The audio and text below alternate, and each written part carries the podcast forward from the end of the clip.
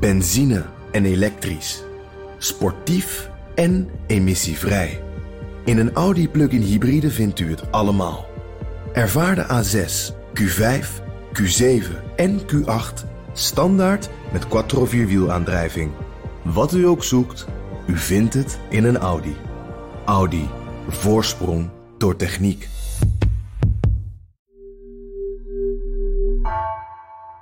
Voordat je naar de nieuwe aflevering van vandaag gaat luisteren, eerst nog even dit. Je hoort hier iedere dag NRC-journalisten vertellen over hun werk dat ze voor de krant hebben gedaan. Betrap jij jezelf nou wel eens op de gedachte: dat wil ik ook? Dan is hier je kans.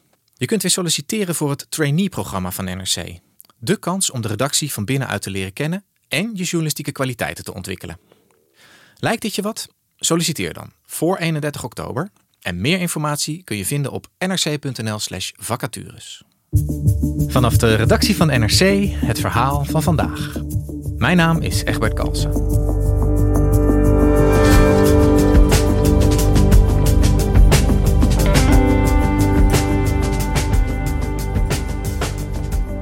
Opgehokte kippen, een vervoersverbod en miljoenen geruimde vogels.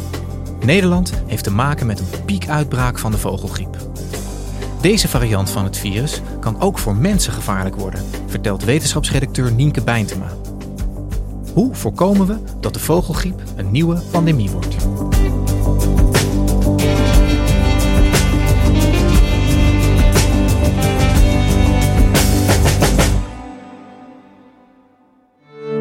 Het wervelt rond in Azië, in Europa en in Afrika. Het smult, het verspreidt zich stiekem en steekt dan plotseling weer ergens de kop op. De vogelgriep reist over de wereld als een veelkoppig monster. Het is altijd aanwezig en laait dan soms torenhoog weer op. En dat torenhoge oplaaien, dat is er nu ook aan de hand in Nederland. Al meer dan een jaar.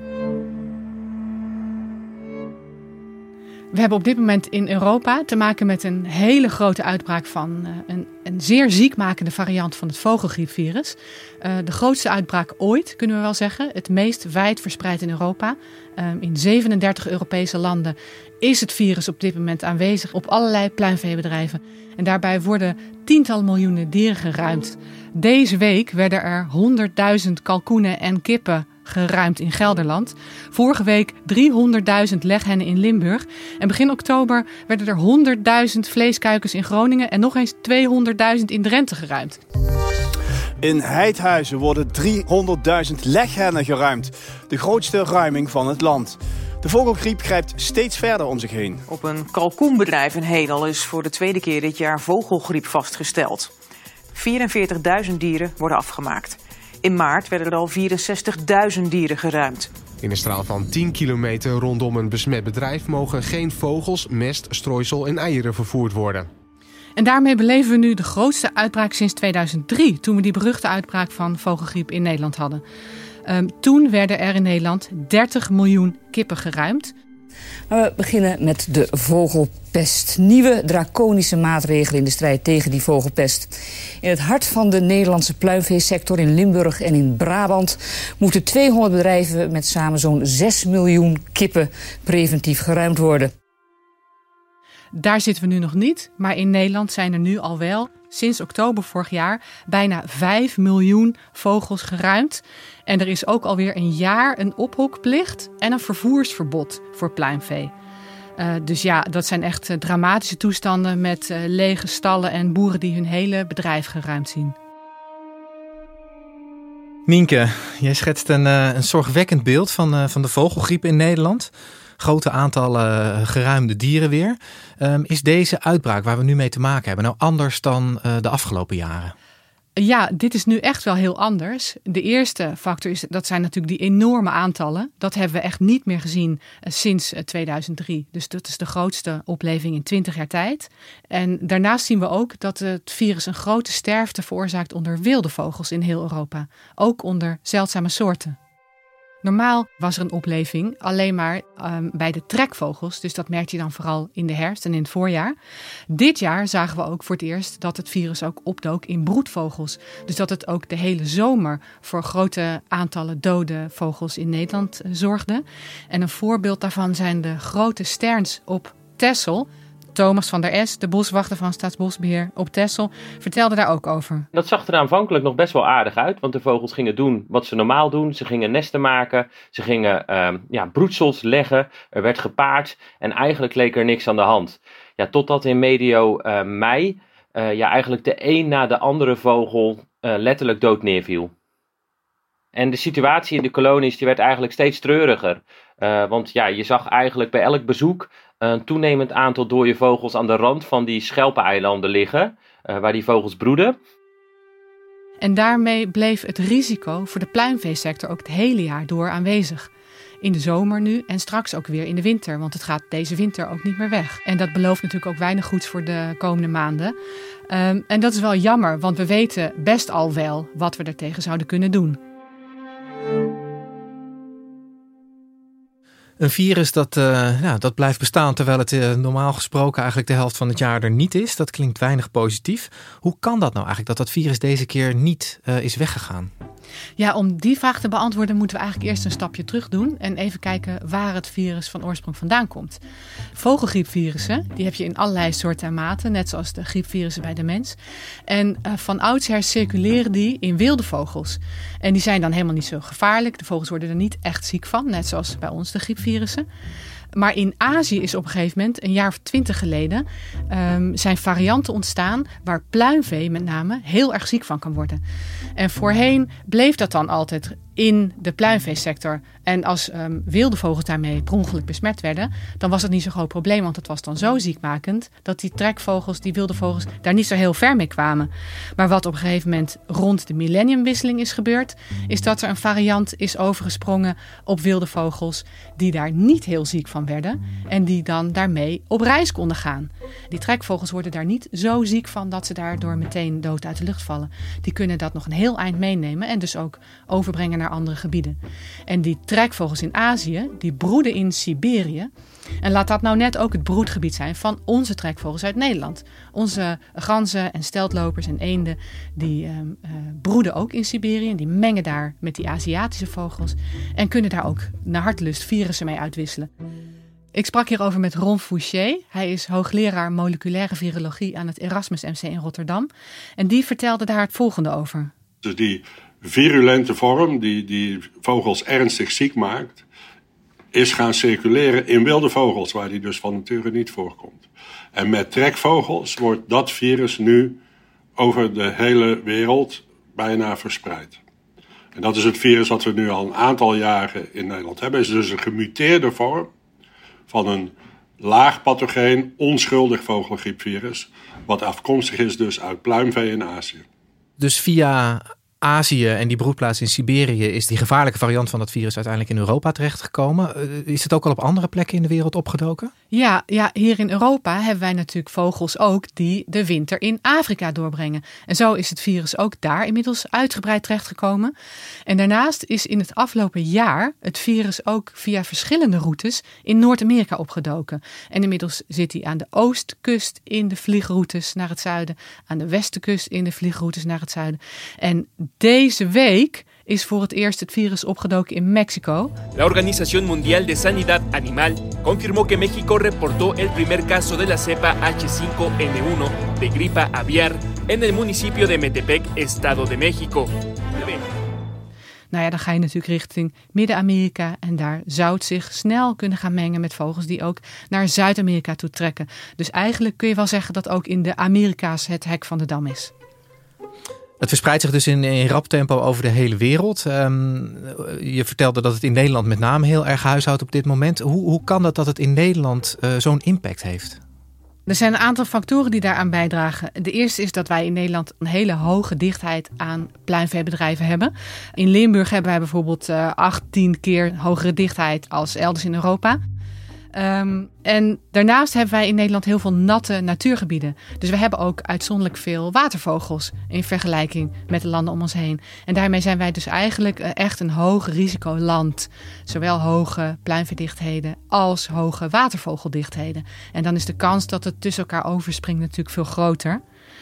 Daarnaast hebben wij natuurlijk ook veel broedvogels. Juist doordat wij die wadden en die waddeilanden en al die moerasgebieden hebben, hebben wij veel broedvogels die hier bevattelijk voor zijn. En dat zagen we nu dus deze zomer voor het eerst, dat het virus dus ook echt heeft huisgehouden onder de broedvogels in Nederland. En Thomas van der Est, de boswachter op Texel, die vertelde dat dat echt een slachting heeft aangericht onder de grote sterns op het eiland. Dat zijn zeldzame vogels, waar Texel enorme moeite voor heeft gedaan om die als broedvogel op het eiland te krijgen. Er zijn eh, broedeilanden voor aangelegd en polders voor onder water gezet. En daardoor is het natuurlijk extra sneu dat daar nu zoveel vogels zijn doodgegaan deze zomer. Zorgwekkend is ook dat dit bij soorten gebeurt waar de afgelopen jaren onwijs veel inspanningen voor zijn geweest om het beter te laten gaan. En dan is het heftig dat ja, een soort die in de lift zit ook weer heel snel terug bij af kan zijn door uh, ja, zo'n aanwezig virus als vogelgriep. Want dit zijn uh, weer heel snel hele zeldzame broedvogels geworden. Als jij dit allemaal zo vertelt, uh, Nienke, met, met woorden als mutaties en uh, meer of minder ziekmakende varianten van, uh, van virussen, dan, dan komt dat hele woordenboek van de coronapandemie bij mij eigenlijk ook weer automatisch naar boven. En dan is het nog iets waar we het niet over hebben gehad. En dat is dat die mutaties niet alleen risico's met zich meebrengen voor dieren, maar ook voor mensen. Want dit vogelgriepvirus is net zoals corona ook wat we een zoonose noemen. En dat is een virus dat zowel dieren als mensen ziek kan maken en wat ook tussen de beide kan overspringen. Dat hebben we natuurlijk met de coronapandemie um, nu heel duidelijk gezien. Maar we hebben het ook met vogelgriepvirussen in het verleden al eerder gezien. In 2003, bij die beruchte uitbraak in Nederland, waarbij we dus 30 miljoen dieren hebben geruimd, is een veearts ziek geworden en overleden. En daarnaast zijn er vogelgriepvarianten nu ook in Azië, waar ieder jaar tientallen mensen aan doodgaan. Dat is bij de vogelgriepvariant die nu in Nederland rondgaat nog niet het geval. Die is nog niet zodanig gemuteerd dat mensen er makkelijk ziek van kunnen worden. Maar dat kan dus altijd gebeuren bij varianten van vogelgriep. En heeft dat vogelgriepvirus het nou in zich om net als corona eigenlijk een, een, pandemie te kunnen worden dan ook? Ja, zeker. Ja, dat is in het verleden ook al eerder gebeurd. Um, in 1957 hadden we de Aziatische griep en in 1968 de Hongkong-griep. Twee pandemieën waarbij wereldwijd allebei 1 tot 4 miljoen doden zijn gevallen. Die zijn zeker terug te voeren op vogelgriep. En daarnaast hadden we de Spaanse griep in 1918, waarbij ook tientallen miljoenen doden zijn gevallen. Waarvan het heel erg waarschijnlijk is dat, het, uh, dat er een vogelgriep aan ten grondslag lag. Um, die zijn pandemie geworden doordat die vogelgriepvirussen zijn gaan mengen met mensengriepvirussen. En dus extra gevaarlijk zijn geworden en extra goed van mens op mens overdraagbaar. Zijn we daar nu nog ver van verwijderd dat het huidige vogelgriepvirus zo'nzelfde effect kan hebben? Nou, ver van verwijderd. Um, uh, Ron Fouché, viroloog uit Rotterdam, heeft daar onderzoek naar gedaan. En die zegt dat op dit moment met de huidige varianten het risico niet erg groot is, maar dat er slechts een vijftal mutaties voor nodig zijn om het virus wel makkelijk van mens op mens overdraagbaar te maken. In 2012 heeft mijn onderzoek laten zien dat dit soort vogelgriepvirussen van het H5-type in principe met een stuk of vijf mutaties airborne kunnen worden in zoogdieren. Dus overdraagbaar via aerosol en luchtwegdruppeltjes tussen zoogdieren. En dus moet je nu continu monitoren wanneer er zoogdieren worden geïnfecteerd of wanneer er mensen accidenteel worden geïnfecteerd, moet je dat opvolgen om te kijken of er geen gevaarlijke varianten ontstaan. Hoe, hoe groot is de kans dat dat gaat gebeuren? Nou, dat heb ik ook aan Ron Fouché gevraagd. Nou, de kans dat je vijf mutaties oploopt in, op korte termijn is niet zo heel groot. Dus dat hebben we uitgerekend. Dat is echt een hele kleine kans dat dat snel gebeurt. Maar die kans is nooit nul. Dus op korte termijn, als ik hem goed beluister, eh, is de kans niet heel groot dat dit gaat gebeuren. Maar de kans is ook niet helemaal uitgesloten. Um, wat, wat kunnen we nou doen om dit te voorkomen? Het belangrijkste wat je eigenlijk wil doen is zorgen dat het virus zo min mogelijk circuleert. Want hoe meer het circuleert, hoe meer dieren er besmet zijn, hoe groter dat reservoir van dat virus is. En hoe meer dus ook dat gaat mengen en gaat muteren en hoe groter dus de kans is dat er gevaarlijke mutaties ontstaan. En ook dat die overspringen op mensen. Dus je wil eigenlijk dat virus gewoon de kop indrukken. En dat kan eigenlijk het beste niet door één maatregel, niet door twee, maar door een heel pakket aan maatregelen. Um, hygiënemaatregelen eigenlijk ook, zoals we dat ook bij uh, corona hebben gezien. Eén ehm, ding is uh, dat je gewoon heel schoon moet werken als boer. Goed je laarzen moet ontsmetten en dat soort dingen. Ophokken hoort daar ook bij. Dat is natuurlijk een beetje treurig voor de sector. Maar je moet voorkomen dat die kippen in aanraking komen met wilde vogels. En je moet bij het transport tussen bedrijven ook heel goed opletten dat het virus niet van het ene bedrijf naar het andere kan komen. Ja, dat preventieve ruimen, dat hoort daar dan ook bij. Als er ergens een besmetting is, dat je dus zorgt dat het, dat het daar beperkt blijft. Ja. En die optelsom van maatregelen, volgens mij is dat ook precies wat het ministerie nu eh, zegt. Hè? Eh, vervoersverbod, ophokplicht, uh, ruimen inderdaad. Als dat allemaal niet meer werkt, hè, en dat lijkt op dit moment eigenlijk aan de hand te zijn, wat, wat moet je dan doen? Ja, nou dan komt natuurlijk de, de oplossing in beeld zoals we dat bij de coronapandemie ook hebben aangepakt. En dat is vaccineren. Ehm, er bestaan vaccins voor kippen tegen de vogelgriep. In Europa is er één vaccin goedgekeurd voor de markt. Um, dat is nog niet een supergoed vaccin. Het voorkomt nog niet voor 100% eh, besmetting. Het voorkomt wel ernstige ziekten bij het pluimvee. En het vermoeden is dat het ook wel gewoon echt de viruslast omlaag brengt bij kippen. Ze kunnen het nog wel aan elkaar overbrengen, maar in elk geval veel minder dan, uh, dan nu het geval is. Ja. Dus er is een vaccin, maar voor zover ik weet wordt het nog niet gebruikt. Nee, nee waarom niet is natuurlijk de grote vraag. Nou, het, het grote um, argument is dat het niet zou mogen vanwege de export.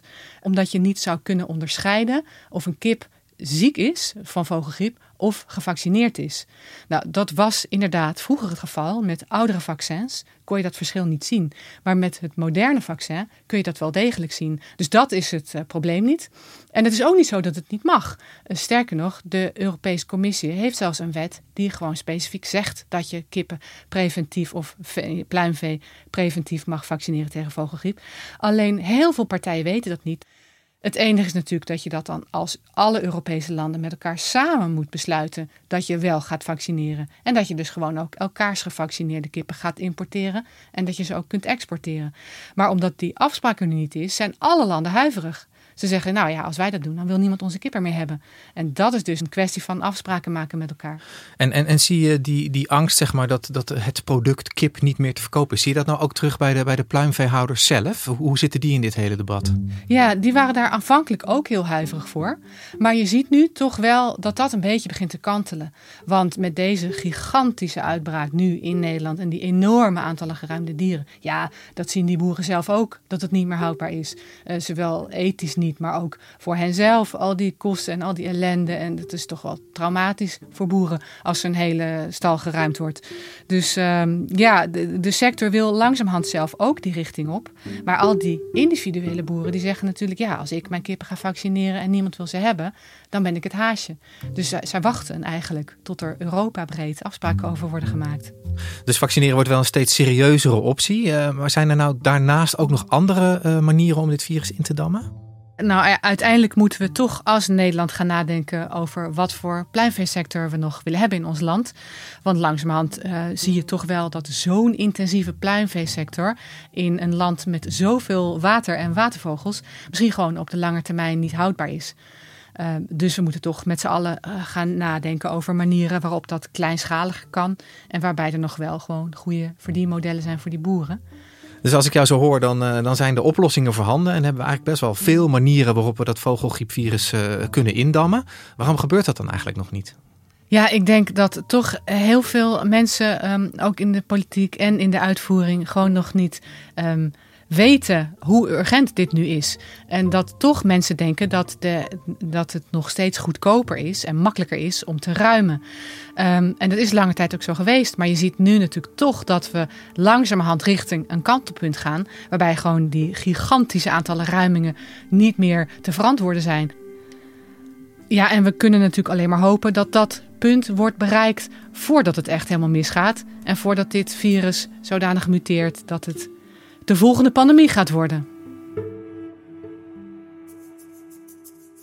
Dankjewel Nienke. Graag gedaan. Je luisterde naar vandaag, een podcast van NRC. Eén verhaal, elke dag. Deze aflevering werd gemaakt door Iris Verhulsdonk, Anna Korterink en Bas van Win. Dit was vandaag, maandag weer.